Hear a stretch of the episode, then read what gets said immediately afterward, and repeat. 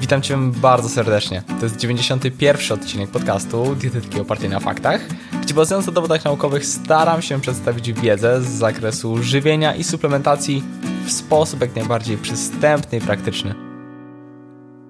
W obiegowych przekonaniach często można spotkać się z argumentem odnoszącym się do naturalności, że dany produkt spożywczy jest dobry, zdrowy czy lepszy od innych tylko dlatego, że jest naturalny.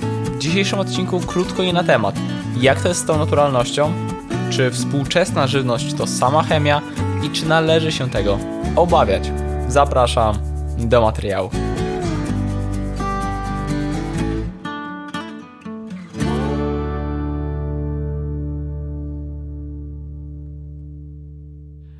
Odwoływanie się do natury, lub inaczej błąd naturalistyczny, bo to ma swoją nazwę, to błędne przekonanie, że coś, co jest naturalne, jest dobre, właściwe lub lepsze od czegoś sztucznego, tylko dlatego, że jest naturalne.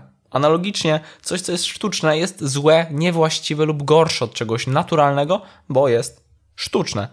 Obecnie to popularne, by tak klasyfikować żywność. W sklepach spożywczych otaczają nas produkty z napisami 100% naturalne, tylko z naturalnych składników e, i tym podobne. Tymczasem z drugiej strony dodatki do żywności, czy produkty zawierające dodatki do żywności, czyli sławetne E, nazywane są samą chemią. Dlaczego to jednak błędne myślenie?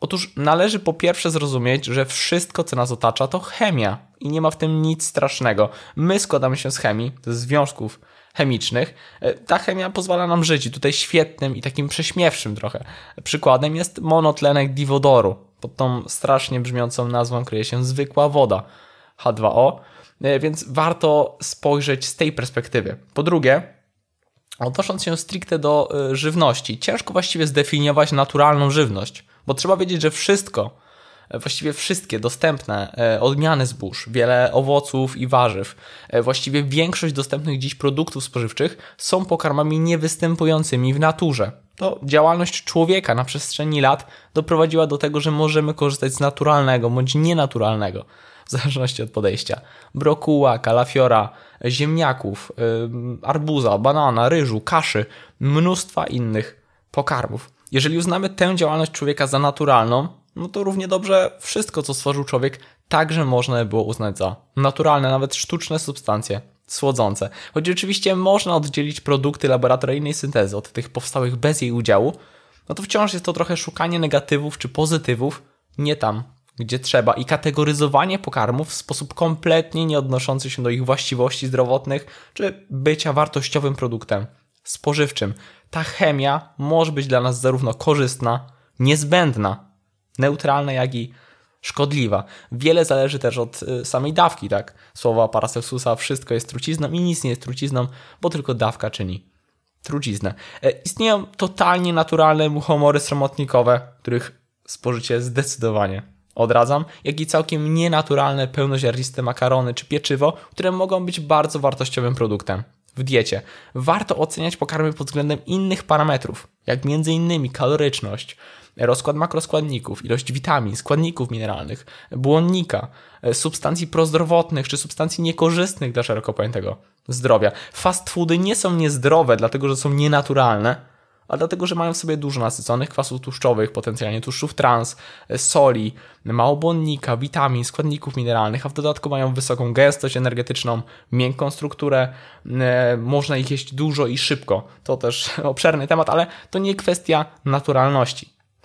Ważna jest również kwestia bezpieczeństwa spożycia, bo naturalne produkty mogą być w końcu źródłem całkiem naturalnych pleśni, bakterii czy grzybów, które są znacznie większym zagrożeniem niż konserwanty chemiczne stosowane w dozwolonych dawkach. Przykładowo mleko pasteryzowane czy mleko UHT jest bezpieczniejsze od mleka prosto od krowy z uwagi na usunięcie wszystkich chorobotwórczych mikroorganizmów i ich zarodników.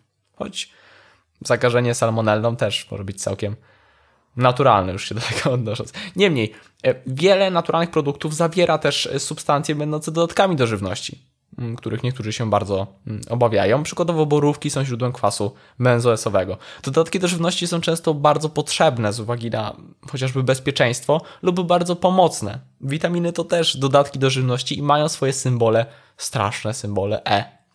Powszechny strach przed dodatkami do żywności może doprowadzić do tego, że niektórzy boją się nawet samych witamin. Co więcej, przykładowo niektóre symbole E na napojach roślinnych mogą świadczyć o fortyfikacji wapnia, więc kwestii bardzo pozytywnej, a przez niepotrzebną obawę niektórzy konsumenci mogą z produktu zrezygnować. Oczywiście to szerszy temat, bo z dodatkami do żywności też bywają problemy. E, chociażby w kontekście wycofywania. I często jest tak, że produkty spożywcze bogate w dodatki do żywności są wysoko przetworzone i zważając na wszystkie obecne w nich składniki należą do produktów, które należałoby unikać lub ograniczać, e, ale to, jak mówiłem, osobny temat. Bardziej chcę podkreślić, że ludzie często zwracają uwagę na kwestie mało istotne z punktu widzenia zdrowego odżywiania. E, także naturalność nie ma konkretnej definicji. Nazywanie czegoś naturalnym można poddać wątpliwość pod kątem e, żywienia. E, zarówno produkty naturalne, jak i sztuczne mogą być dla nas korzystne, neutralne lub niekorzystne. Syntetyczna witamina D pomaga Polakom uzupełniać jej niedobory w miesiącach od września do kwietnia, a naturalne orzechy są smaczne i mogą być wartościowym elementem diety. Sztuczne substancje cudzące mogą pomóc w utracie nadmiernej masy ciała, podobnie jak naturalne leśne owoce to zwyczajnie mało znaczące kategoryzowanie żywności. E, wyjątkowo często spotkam się też z opinią, jako ciekawostkę dodam, e, cytuję, ja już wolę tę kolę z cukrem, bo ta bez cukru to sama chemia. No, to błędne spojrzenie na zdrowe odżywianie. Niektórzy przeznaczają zbyt dużo swoich zasobów, zbyt dużej swojej uwagi e, na takie kwestie mało istotne, nie wiedząc lub zapominając o aspektach o randze znacznie wyższej.